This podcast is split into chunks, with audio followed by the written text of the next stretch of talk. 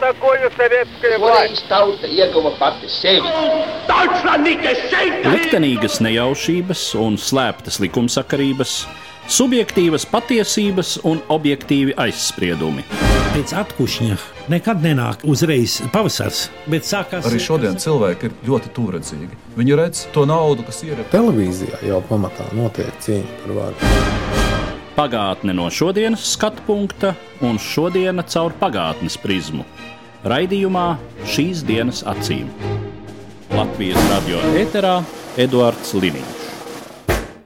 Labdien, cienījamie klausītāji! 1958. gada 28. septembrī Francijā notiek konstitucionāls referendums, tiek pieņemta jaunā Francijas konstitūcija, un ar šo brīdi Franciju sāk dēvēt par Francijas piekto republiku. Šim notikumam veltīta mūsu šodienas saruna. Mani sarunbiedri studijā - vēsturnieks Antonijs Zunda un konstitucionālo tiesību speciālists Jānis Pleps. Labdien! Labdien! Ja mēs sakām Francijas piektā republika, tad droši vien mūsu sarunas iesākumā būtu vērtīgi atgādināt klausītājiem par iepriekšējām četrām ļoti īsi. Zundas kungs. Es domāju, ka mums aktuāli būtu runāt par 3. un 4. republiku. Tās republikas, kas pastāv 20. gadsimtā. Trešā republika pastāja līdz 1940. gada jūnijam, līdz Vācija okupēja Franciju, un, un pēc šīs kapitulācijas Francijas izveidojas viss šī režīms, un, un valsts kā tāda beidz pastāvēt. Beidzoties Otrajam pasaules karam, 44. gada augustā, kad De Gaulle atgriežas Francijā, pirmais darbs, ko viņš nolēma, kas jāveic, lai varētu atjaunot Francijas valstiskumu, ir jauns konstitūcijas izstrāde. Un 46. gadā viņi tiek pieņemti, un, un ar 48. gadu ir sākās 4. Francijas republikas laiks. 4. republikas laiks ir no 1946. līdz 58. gadam, tātad 12 gadi tikai. Nu, Būtiskākā atšķirība starp 4. un 5. republiku tā, ka iepriekš bija izteikta parlamentāra republika, un 58. gadā pieņemot jaunu konstitūciju un izveidojot 5. republiku, viņa kļuva par prezidentālu republiku. Cik man zināms, tad starpība starp 3. un 4. Francijas republiku no konstitūcijas burta un gara viedokļa bija samērā neliela. Jā, tā varētu teikt, jo patiesībā 4. republikas konstitūcija balstījās uz 3. republikas pieredzi un to pārņēma. Un, man liekas, Zundas kungs jau precīzi raksturoja, ka tas, tā ideja balstās tajā, ka ir stiprs parlaments. Patiesībā parlaments kontrolē visus valsts jautājumus. Un parlamentam nav pretsvaru jo valdība ir pilnībā atkarīga no parlamenta gribas. Ja Trešajā republikā bija vismaz konstitūcijas normās, formāli plašas prezidenta pilnvaras paredzētas, tad Ceturtajā republikā no tā izvairījās. Jau konstitūcijā iestrādājot, piemēram, to, ka par parlamentu atlaišanu tas bija praktiski neiespējams. Tur bija ļoti tāda sarežģīta nosacījuma, ka to varēja darīt tad, kad parlaments divreiz gāzes valdību noteiktā laika periodā. Un to parlaments pats varēja kontrolēt, teiksim, ja viņš to valdību kādu laiku piecieš, tad nav pamata atlaist parlamentu, iet uz jaunām vēlēšanām. Un arī tas, kas turpinājās šajās abās republikās, parlaments ir sašķelts dažādās politiskās grupās un ir nestabila valdība. Cik lielā mērā patiesībai atbilst tēze, ka Francijas 4. republika bija stipri līdzīga Latvijas republikai? Tas ir mūsu šī brīža.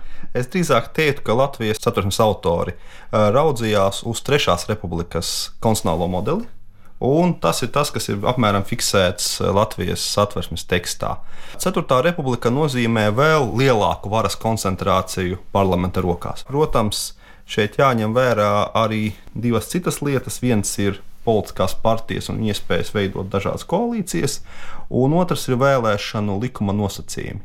Latvijā ir šī 5% vēlēšanu barjera, kas automātiski novērš parlamenta ļoti lielu sašķeltību. Un līdz ar to tas jau attiecīgi atvieglo arī dzanu valdības veidošanu un nodrošina mazliet, mazliet lielāku stabilitāti. Tā kā es teiktu, ka 4. republika tas ir tāds vēl radikālāks modelis, ja mēs iedomātos, piemēram, šī brīža Latviju. Konstitucionālās tiesas vairāk nav satversmes tiesas, prezidenta pilnvaras vēl vairāk samazinātas, principā līdz vienai pilnvarai līdzība ar Latviju. Tādā ziņā, ka 12 gadu laikā, kopš pastāv šī 4. republika, nomainās 14 valdības. Mm -hmm. Tas ar kaut kur, kā Plefkungs teica, līdzīgi mums, ne, ka tā sadrumstalotība politiskā ļoti izteikta. Bet tas bija saistīts ar šo pēckara situāciju un Francijas vēsturi šādi. Nu, tad mums ir jāpastāsta, kas tad noveda līdz tā sauktējai 58. gada krīzei. To notikumu diezgan daudz, un varbūt īsumā runājot, varētu sākt ar to, ka 46. gada sākumā De Gaulle redzot to, ko mēs šeit runājam, ka valstī nav šīs stabilitātes, ir izteikti šī sadrumstalotība, un viņam īpaši nepatīk kreiso spēku tāda izvirzīšanās sociālisti, komunisti, tīpaši komunisti diezgan. Tā, piedodiet, cik lielā mērā, starp citu, Francijas komunisti bija tajā brīdī saistīti ar Maskavu un no tās nu, es domāju, atkarīgi? ka viņi ļoti cieši bija saistīti, jo, kā mēs zinām, drīz vien pēc otrā pasaules kara beigām izveidoja komunistiskās informācijas biroju, tas notika 1947. gadā jau. Un komunistiskās informācijas biroja pamatīdēja bija koordinēt visu komunistisko kustību pasaulē. Un tad, tad tas nozīmē strikti, gandrīz vai saskaņot politiku attiecībā pret to vai citu jautājumu, iekšpolitiski vai ārpolitiski konkrētā valstī, budžetu, sociālām lietām, ārpolitiku, bez šaubām arī. Un ne jau tikai tātad De Gaulam nepatika šo kreiso spēku lielā loma nozīme Francijai, bet arī Itālijā. Arī Amerikai tas ļoti nepatika. Viņi saprata, ka uz šādas bāzes ātri Rietumē Eiropā karā novienāta atzīmt nevarēs un ekonomiski uzplaukt. Un līdz ar to tas arī noteica De Gaulle tādu radikālu soli, ka viņš 46. gada sākumā aiziet no valdības. Tas arī jau liels trieciens šeit 4. republikā, jo viņš bija tiešām viens no tiem cilvēkiem, kas piedalījās Francijas atjaunošanā otrā pasaules kara laikā, vadītājs pretošanās kustības viens pārnu. Otrais faktors, varbūt, kas veicināja šīs 4. republikas ātru bojāēju, bija tas, ka bija izteikta politiskā nestabilitāte. Valdība mums bija šausmīgi īsa. Un līdz ar to valdības Maskava varēja izdarīt sakarīgi. Ja līdzās bija Vācija, kas ar izteiktu stabilitāti, bija vairāk vai mazāk Lielbritānija ar izteiktu stabilitāti, Beļģija, Nīderlanda, Luksemburga, tad lūk, pati sabiedrība jau un arī paši politiķi, kas vadīja šo valsts, saprata, ka kaut kas ir jāmaina. Trešais faktors, ko vajadzētu atzīmēt, ir tas, ka ar ārpolitiskajā jomā Francija kā nonāca zināmā izolācijā. Viņai bija atšķirīga politika pret Vāciju, salīdzinot ar Lielbritāniju, ASV. Francija kā mētājās starp Maskavu no vienas puses, piesim, starp rietumu valstīm un domāja, ka tādā veidā varbūt varēs atjaunot šo statusu. Nākošais faktors - valsts principā un sabiedrība bija sašķelta. Kā nevelti es te runāju un pieminēju šo visu šī režīmu, kas pastāvēja kara laikā, tas bija diezgan liels kolaboracionisms. Un beidzoties Otrajam pasaules karam Francijā notiesāja apmēram 170 tūkstoši cilvēku par šo sadarbību ar Naciskās Vācijas okupācijas režīmu. Tas viennozīmīgi šo sabiedrību šķēli. Francija nebija stabilākā valsts. Rietumē Eiropā. Bez šaubām lausa tiesa šādā varas centralizācijā un prezidentuālas varas izveidē Francija bija saistīta ar dekolonizāciju. Francija, kā mēs zinām, līdz otrajam pasaules karam bija kolonāla impērija, un pēc otrā pasaules kara, tāpat kā citām valstīm, viņai vajadzēja iziet šo dekolonizācijas procesu. Un izrādījās, ka viņai tas nebija tik veiksmīgs, piemēram, kā Lielbritānija. Viņa iestīga Vietnamā karā līdz 54. gadam. Pats sāpīgākais bija Alžīrijas jautājums. Jo, kā mēs zinām, pēc otrā pasaules kara beigām Alžīrijā dzīvoja apmēram 1 miljons francūžu. Alžīrija viennozīmīgi Nacionāla atbrīvošanas fronte prasīja šo neatkarību. Savukārt centrālā valdība negribēja to dot. Un līdz ar to šeit tā valsts mazspēja parādījās. Tad mums konkrētāk jāpraugās uz šo Alžīrijas situāciju, jo 58. gads Francijā faktiski sākas Alžīrijā. 1958. gada aprīlī Alžīrijā sākās virsnieku sacelšanās vai dumps pret centrālo varu, kas sāka vest sarunas ar šiem Alžīrijas Nacionālās atbrīvošanas frontes politiķiem ar ideju par nu, kaut kādas suverenitātes piešķiršanu Alžīrijai. Lūk, tātad šī armija sadumpojas, un tas atkal liecināja par to, ka šī centrālā vara ir ļoti vāja. Tad, nu, ka principā tāda valsts nevar pastāvēt. Un šis dumps varbūt bija tas viens no pēdējiem pilieniem, kas sekmē ideju par šīs jaunas konstitūcijas izstrādi. Nevelti De Gaulle, kas bija attālinājies no politikas pēc 46. gada, tika aicināts publiski kā šīs valsts glābējs. Viņš arī atsaucās ar šiem zināmiem nosacījumiem par to, ka vajag šo valsti reformēt. Viņam deva pusgadu ārkārtas pilnvaras, lai arī tātad, nu, tikt ar šīm problēmām galā. Viņš šo Alžīrijas problēmu atrisināja pilnīgi pretēji tam, nekā konservatīvie spēki no viņa gaidīja. Viņš 62. gadā, kā zinām, piešķīra pilnīgu suverenitāti Alžīrijai. Neskatoties to, ka tur dzīvoja miljonus franču un ka liela daļa franču sabiedrības uzskatīja Alžīriju par Francijas sastāvdaļu. Zundas kungs parādīja šo kontekstu, bet tie divi momenti, kas bija svarīgi priekš jaunākās konstitūcijas izstādes, tas viens patiešām bija tas, ka Francija bija jauna uzdevuma 40. gados. Pirmkārt, tikt pāri tam pazemojumam, kā zaudējums karā, Francija sevi asociēja kā liela, liela valsts, sevišķi starpkara periodā pēc uzvaras Pirmajā pasaules karā. Un tas nozīmē, ka bija prasība pēc kaut kādām pārmaiņām. Un pēkšņi, iedomājieties, tikko pieņemta jauna konstitūcija, nāk šīs dekolonizācijas periods. Kad Francija ir spiesta pati domāt, kā tikt ārā no kolonijām, Lielbritānija to spēja izdarīt, jo tur bez šaubām bija stabilāka politiskā sistēma. Un, tur, protams, lielu lomu nospēlēja liekas, arī konservatīvo partija, kur Čērčils saprata, viņš bija imperiālists, protams, bet viņš saprata, ka jāmeklē saprātīgs ceļš, kā tikt ārā no turienes. Jā, un Lielbritānijai jau bija varbūt vairāk tādas pieredzes, nu kaut vai īrijas neatkarības jā, iegūšanas jā. process. Un otra lieta, kur mēs jau pieskārāmies, ir šis komunistu faktors, jo vēlēšanās kreisais bloks ir ļoti populārs. Un Ceturtās republikas konstitūcijas sagatavošanas satversmes sapulcē mēs varētu teikt, ka tas ir kaut kāds 44. 45. gadi. Tā laikā ir ideja, ka varētu atjaunot to tautas fronti, kas ir bijusi pirms kara. Kad e, komunisti kopā ar kreisajiem veido tādu tā kreiso valdību. Un tajā brīdī, kamēr komunisti vēl ir valdībā un viņi tur šo valdību, ir mazliet stabilitāte. Bet tad, kad Zundas kungs teica, parādās šis Maskavas diktāts, ka vajag šūpot un komunisti iziet ārā no valdības. Principā ļoti grūti izveidot parlamentāro vairākumu, jo no vienas puses komunisti, kas nepiedalās, no otras puses ir labējie, kas aicina par stipro varu, un tad pa vidu tas centrs, nu, ne uz ko ilglaicīgi viņi nav spējīgi. Runājot par konkrēti notikumiem eh, Alžīrijā 58. gada maijā, ir šī virsnieku prasība dot varu de Gaulam. Faktiski tas ir nepārprotami, ka tikai un vienīgi viņam. Kas ir interesants jautājums, kas būtu, ja de Gauls atteiktos kļūt par valsts vadītāju? Jo 24. maijā Alžīrijas sadumpojušies militārie spēki ieņem Korsiku, kas ir sala vidusjūrā pa vidu starp Franciju un Alžīriju. Un uh, ir jau militāristiem gatavs plāns izsēdināt gaisa desantu pie Parīzes, ieņemt galvaspilsētu. Nu, faktiski tā tad pilnvērtīgs militārs apvērsums, kas varētu notikt, ja De Gaulle teiktu nē, vai arī, ja kāds iedomātos teikt viņam nē, tomēr, eh, vai pastāvēja tāda iespēja, ka Francijā izveidotos militāra hunta. Līdzīga Spānijai, turpat otrpus Pirenejiem to brīdi, vai Portugālei, vai arī, teiksim, variants, ka Francijā sāktos pilsoņu karš. Nu, Francijas armijas ietekme bija diezgan spēcīga, un Francijas armija bija diezgan stabila pieskara periodā. Es domāju, ka tas ir viens no šiem stabilizējošiem faktoriem, un nu, es domāju, ka reāli militārā hunta varēja izveidoties. Jā. Bet De Gaulle piederēja pie tiem cilvēkiem, kas negribēja šādu militāro huntu Francijā. Tas nav tipiski Francijai kā demokrātiskai valstī. Un es domāju, ka šī militārā hunta varbūt, piemēram, salīdzinot ar Grieķiju, kur notika līdzīgs uh, solis 60. gados, vai tur Turcija, piemēram, nebija reāli, jo Francijai, nu, es nezinu, kā Plepkungs domā, tās ir dziļas demokrātijas tradīcijas. Un es domāju, ka diez vai hunta tur būtu ilgi noturējusies. Bet šāds apvērsums bija reāls.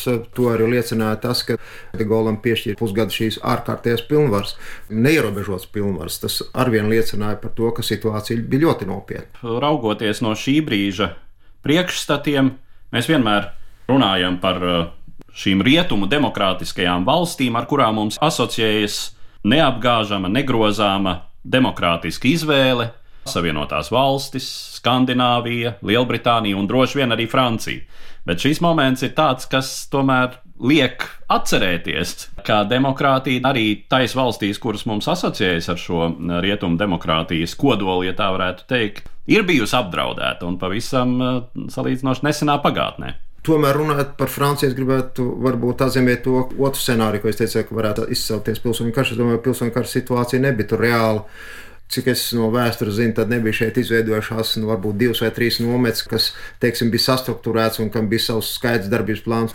Kreisie spēki ne ar īpašu sajūsmu uzņēma šo de Gaulle un piešķirto ārkārtas pilnvaru laiku, bet sabiedrībā bija atbalsts šim lēmumam. Starp citu, preses konferencē, tad, kad tikko ir no Alžīras izskanējusi šī prasība dot varu De Gaulam, un vēl pirms prezidents viņu aicinājis. Tad kāds žurnālists uzdod jautājumu, nu tad ģenerāli jūs grasāties kļūt par diktatoru?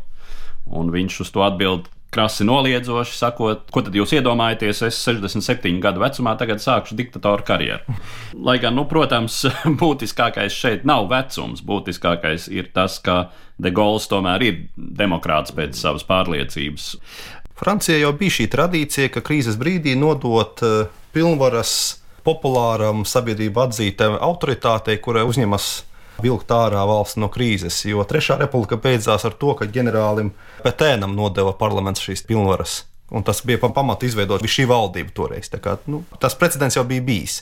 Un patiesībā šobrīd atkārtojas tieši tas pats scenārijs, kad uh, konstitūcijā neparedzētā kārtībā parlaments nodot ārkārtas pilnvaras vienam cilvēkam, kuram ir plāns, kā glābt valsti.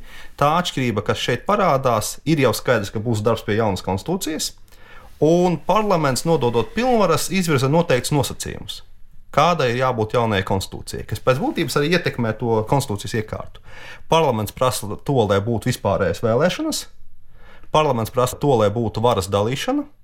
Parlaments prasa to, lai būtu valdības atbildība parlamenta priekšā.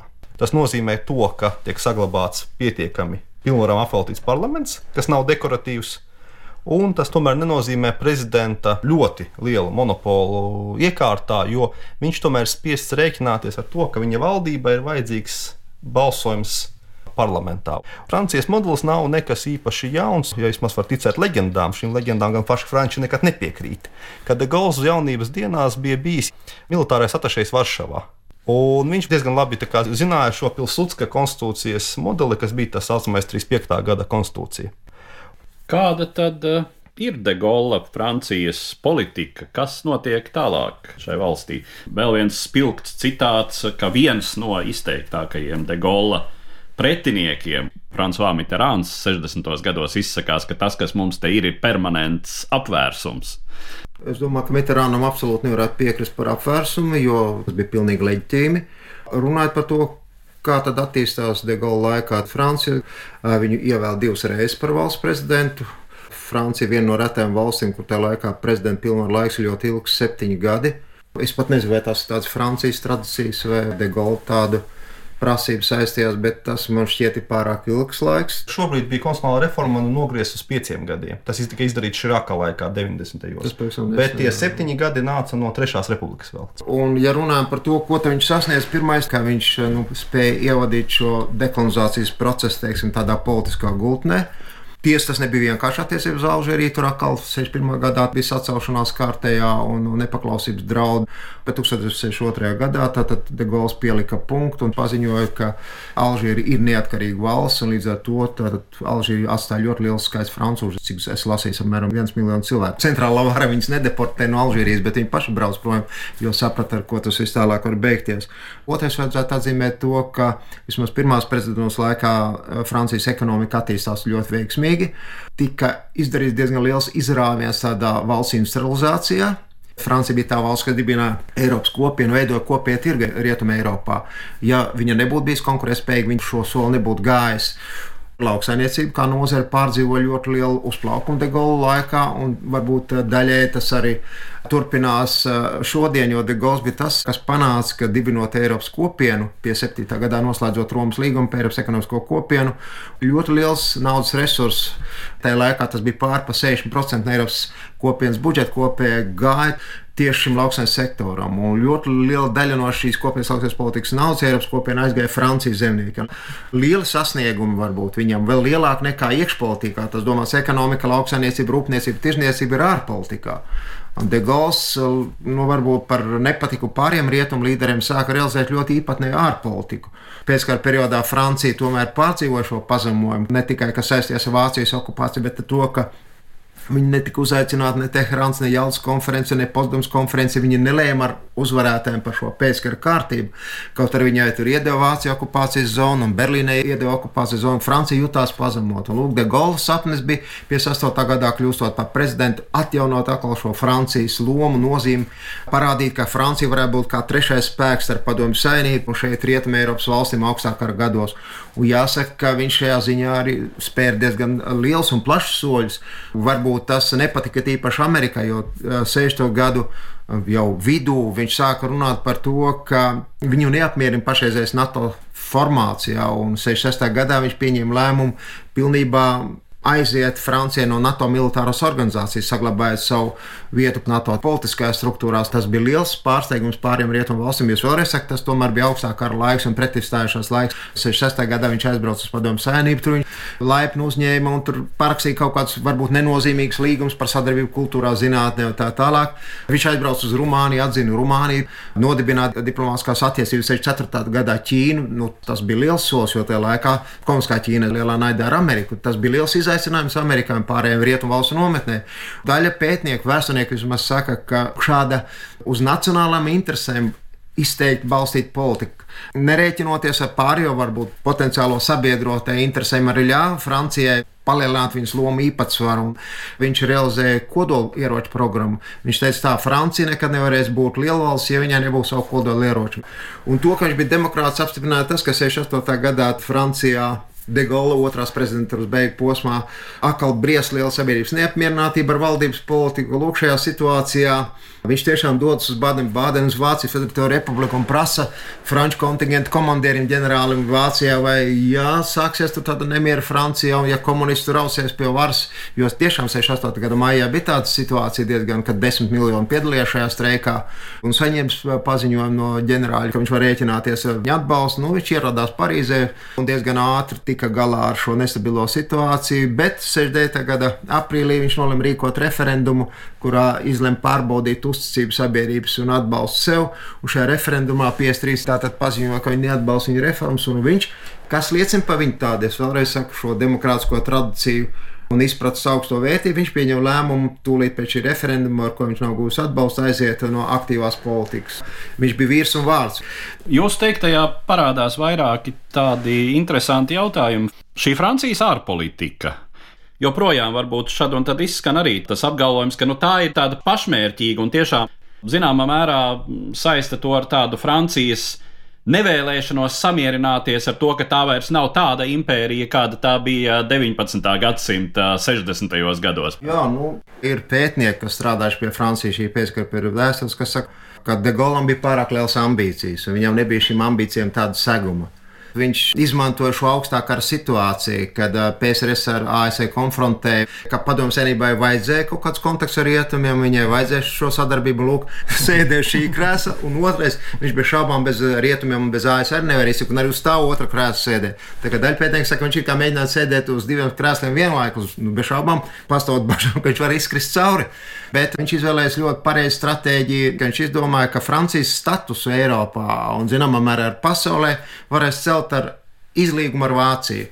Un tas bija liels, liels pozitīvs solis, kas noslēdzās 63. gada 22. janvārī ar šīs Bonnas, Parīzes asas. Bonta laikā bija Vācijas Federatīvās Republikas galvaspilsēta līguma noslēgšana, kas pielika punktu sarežģītai vēsturei, vēstures nastai un ievadīja tādas sabiedrotu attiecības Francijas un Vācijas starpā. Mēs varam laikam droši teikt, ka pēc 63. gada līguma noslēgšanas Francija un Vācija kardinālos jautājumos vienmēr bijis vienā nometnē. Tādējādi var teikt, to, ka De Gaulle lielākie sasniegumi laikam ir ārpolitikā viņa prezidentūras periodā, jo Francija, un tas laikam ir objektīvs slēdziens, zināmā mērā atguva statusu, kāds viņai bija. Varbūt ne tik liels kā līdz otrajam pasaules karam, bet viņa atguva vadošu valsts pasaulē statusu. Ievērojot to, cik liela nozīme toreiz Bonnas, Parīzes, tagad Berlīnas, Parīzes asī ir vienotās Eiropas veidošanā, tad, protams, šie de Gaulle nopelni ir neapšaubāmi. Bet 68. gads, kas tad šo, kā jūs teicāt, ekonomiski uzplaukstošo dinamisko valsti tomēr noveda pie 68. gada krīzes. 68. gada pavasaris ir saistīts ar varbūt tādu jaunatnes dumpi, kas skāra daudz rietumu valstī, skaitā īpaši Franciju. Šī sabiedrības neapmierinātība ar Delgaulo režīmu parādījās tieši caur studentu neapmierinātību ar šo valdību, jo studenti uzskatīja, ka De Gaulle valdības laikā realizēta izglītības politika neatbilst laikmeta prasībām. Studentu skaits salīdzinot ar laikos līdz Otrajam pasaules karam, tagad 60 gados bija laikam pieaudzis 5 vai 6 reizes. Studenti, kas agrāk skaitījās kaut kāds šaurs elitārs sabiedrības slānis vai grupa, bija kļuvusi par ļoti lielu sabiedrības grupu, kurā iegāja ne tikai no vidējiem pārtikušiem slāņiem šie cilvēki, bet arī zemnieku, strādnieku un vidusšķiras pārstāvju. Lūk, paplašinoties šādi ļoti studentu skaitam, atbilstoši nebija notikušas reformas augstskolā. Un augstskolas Francijā 60. gada otrajā pusē sāka atpalikt no tām prasībām, kādas izvirzītas tika darba tirgu ienākošam jaunietiem. Studenti sāk prasīt modernizēt tehnisko bāzi, palielināt līdzekļus izglītībai. Īpaši studenti pieprasīja, kas jau šodien ir sena realitāte Eiropā, reālu piedalīšanos mācību procesa noteikšanā. Un, lūk, šie nemieri Francijā sākās varbūt ar, ar tādiem studentu nemieriem. Centrālās universitātēs policija, valdības bija saņēmusi rīkojumu, ka studenti jau ieņem universitātes, ierasties un atjaunot kārtību, un tas novada pie tādām sadursmēm. Un kas interesantākais tas, ka lūk, šim studentu dumpim pievienojas arī plaša sabiedrība, tā skaitā ar strādnieku. Un 68. gada maijā kad šie nemieri sasniedz kulmināciju, kad tiek pasludināts vispārējais streiks, tajā piedalās pār pa desmit miljonu cilvēku. Un De Gaulam un valdībai tas ir liels pārsteigums, ka strādnieki aktīvi iekļaujās. De Gauls vairāk vai mazāk to bija aizrāvies. Nevis tik daudz ar šo ekonomisko, sociālo problēmu risināšanu, šo iekšpolitiku, bet vairāk veltīja savu uzmanību ārpolitikai. Ne īpaši patīkams jautājums Francijai, nevēl tātad šīs attiecības viņai sāsinās ar Ameriku un ar citiem rietumu sabiedrotiem bija investīcijas. Investīcijas samazinājās, tas bez šaubām atsaucās gan uz ražošanas tempiem, pieauguma tempiem, ekonomiku un kopumā bez šaubām uz sociālo nodrošinājumu. Līdz ar to strādnieki sāk paust neapmierinātību ar šo režīmu, saka, ka tas ir birokrāts, ka tas jau ir arhaisks De Gaulle sastopās pirmo reizi tātad šīs otrās prezidentūras beigu posmā ar to, ka e, ne visi viņu nesā uz rokām, ne visi ir gatavi atbalstīt. Viņa stratēģija bija ļoti vienkārša. Viņš uz zāra pateica, nu, ka komunisti grib atkal apdraudēt mūsu valsts, viņi grib sagrābt varu teikdams, ka tas dumps, kas notika, tātad, šis streiks ir komunistu roku darbs, varbūt nospēlēt uz tādām nacionālām jūtām, viņam arī izdevās šo stabilitāti atjaunot. Bet viņš nebija gatavs šīs reformas realizēt tādā mērā, kā šī sabiedrība prasīja. Viņam pietika drosme 69. gadā pēc šī aprīļa referenduma pieņemt lēmumu un aiziet no aktīvās politikas. Kā zinām, drīz vien viņš 17. gada decembrī arī nomira. Šeit parādās tas moments, vai piektā republika izdzīvos vai neizdzīvos. Līdz tam tā bija De Gaulle republika, un Francijai jau bija piemēri, ka tā republika viena prezidenta laikā arī beidzās. Un De Gaulle lēmums gan aiziet prom no varas, gan arī distancēties no tā visa, ļaujot citiem valdīt, nodrošināja to, ka Piektā republika turpina attīstīties. Un tā lielā De Gaulle autoritāte, kas lielā mērā noteica to prezidenta pilnvaru apjomu, pēc tam gan praksē ir tikusi mazliet jau ierobežota, gan arī faktiski, nu, reti, kuram prezidentam pēc tam ir bijusi tāda pati ietekme, lai nu, kaut ko tādu panāktu. Runājot par Frančisu Mitterānu, gan De Gaulle, gan pārējie gaulistu prezidenti bija valdījuši tad, kad viņiem ir apakšnamā parlamentā vairākums. Un tur vienmēr bija tā, ka viņš ir gan partijas līderis, kurš kontrolē parlamentu, un valdība principā ir tās tā izpildies tāda. Mitterānam pirmajam nācās sadzīvot ar gadījumu, kad viņš atlaida parlamentu un zaudēja vēlēšanās. Un Širaks bija premjerministrs. Tas bija tas krīzes moments, kad bija jautājums, ko darīt. Princips bija tāds, ka vēlreiz atlaist nevar. Un tas ir vai nu jāsadzīvo, kad prezidents principā pārvēršas par tādu, tā tādu normālu parlamentāru valsts vadītāju. Ir lielākas pilnvaras, bet premjerministrs ir no otras partijas konkurents. Vai atkāpties? Un Mitterāns palika un vienu brīdi dzīvoja kopā ar Širaku sadarbojās. Un tas radīja šo tradīciju, ka ja prezidentam ir viņa vairākums parlamentā, viņš ir ļoti spēcīgs, kā Amerikas līderis apmēram, un savukārt, ja viņam ir citas partijas vairākums, tad viņš vairāk tuvinās parlamentāram prezidentam. Noslēdzot mūsu sarunu, tāds vispārīgs jautājums, uz kuru es tomēr lūgtu jums atbildēt, vai Latvija kaut ko savas demokrātijas attīstībā var mācīties no Francijas? Es domāju, ka recepte katrai valstī ir unikāla. To parāda Francija, kas ļoti ilgi jauca un mēģināja dažādus modeļus. Viena lieta, ka varbūt paļauties uz vienu konkrētu personību, labi, ja viņa ir bet tas ir ļoti riskants moments, kad viss ir atkarīgs no viena cilvēka. Jo tad tas pārvēršas vairs nevis tā kā politika, kur jautājums, kā viss tas darbojas, bet par viena cilvēka psiholoģiju. Francijas modelis parāda to, ka ir iespējams ielikt stiprā parlamentārā valstī stipru prezidentu. Bet kas mums varētu biedēt? Zundas kungs nevelti vairāk teica par šo parlamentāro tradīciju, Francijas demokrātijas tradīciju. Un mēs redzam tās valstis, kas, piemēram, bijušās padomju republikās, kur ir likts šis stiprais prezidents, un kur nav šo tradīciju. Ka tas var beigties arī tā, ka nu, vai nu to prezidentu vispār nevar pārvēlēt, viņš ir mūža prezidents, vai nu vienkārši vēlēšanas ir tā, ka vēlreiz aiziet novēl par vienu cilvēku. Ja mēs runājam par mūsu valsts nākotni un politisko reformu nepieciešamību, tad šo Francijas pieredzi analizēt vajag. Bet uh, pirmkārt, nu, Francija mums var derēt, tāpēc, ka Francija tiešām ir ļoti liela valsts. Jā, viņai ir, ir gandrīz vai tūkstošgadīga vēsture. Mums šī politiskā kultūra Latvijā ir atšķirīga no Francijas politiskās kultūras. Mums ir kaut kādas sarkanās līnijas, Francijā šāda sarkano līniju vairāk nepastāv. Mitterāna prezidentūras laikā tiešām labējo spēku līderis, eh, kas bija uzvarējis vēlēšanās, izveidoja valdību un sociālists bija prezidents. Un šeit nekāda pilsoņu karš situācija neveidojas. Līdz ar to viennozīmīgi mēs līdz tam vēl neesam izauguši. Man liekas, svarīgākais Latvijai tas, ka mums jāaug gan vēlētājiem, gan tiem, ko mēs ievēlam. Man piemēram satriec, ka uz katrām vēlēšanām pie mums veidojas kaut kāda jauna kārtējā politiskā partija, kas ar šīs nosacītu politehnoloģijas palīdzību tomēr kaut kādu daļu vēlētāju segmentu noņem, šķeļ šo politisko sistēmu. Es esmu par to, lai mums iestātos tāda praksa kā piemēram Lielbritānijā un Vācijā, kur ir divas, trīs politiskās partijas, kas ik pēc kāda laika, neskatoties uz to vai citu faktoru, nomaina vienu pie varas bez kaut kādiem lieliem satracinājumiem. Ar tādiem secinājumiem tad es arī noslēdzu mūsu šodienas sarunu un saku paldies maniem sarunbiedriem, vēsturniekam Antonijam Zundam un konstitucionālo tiesību speciālistam Jānim Plepam. Paldies! Paldies! Par pagātni sarunājas Eduards Līniju.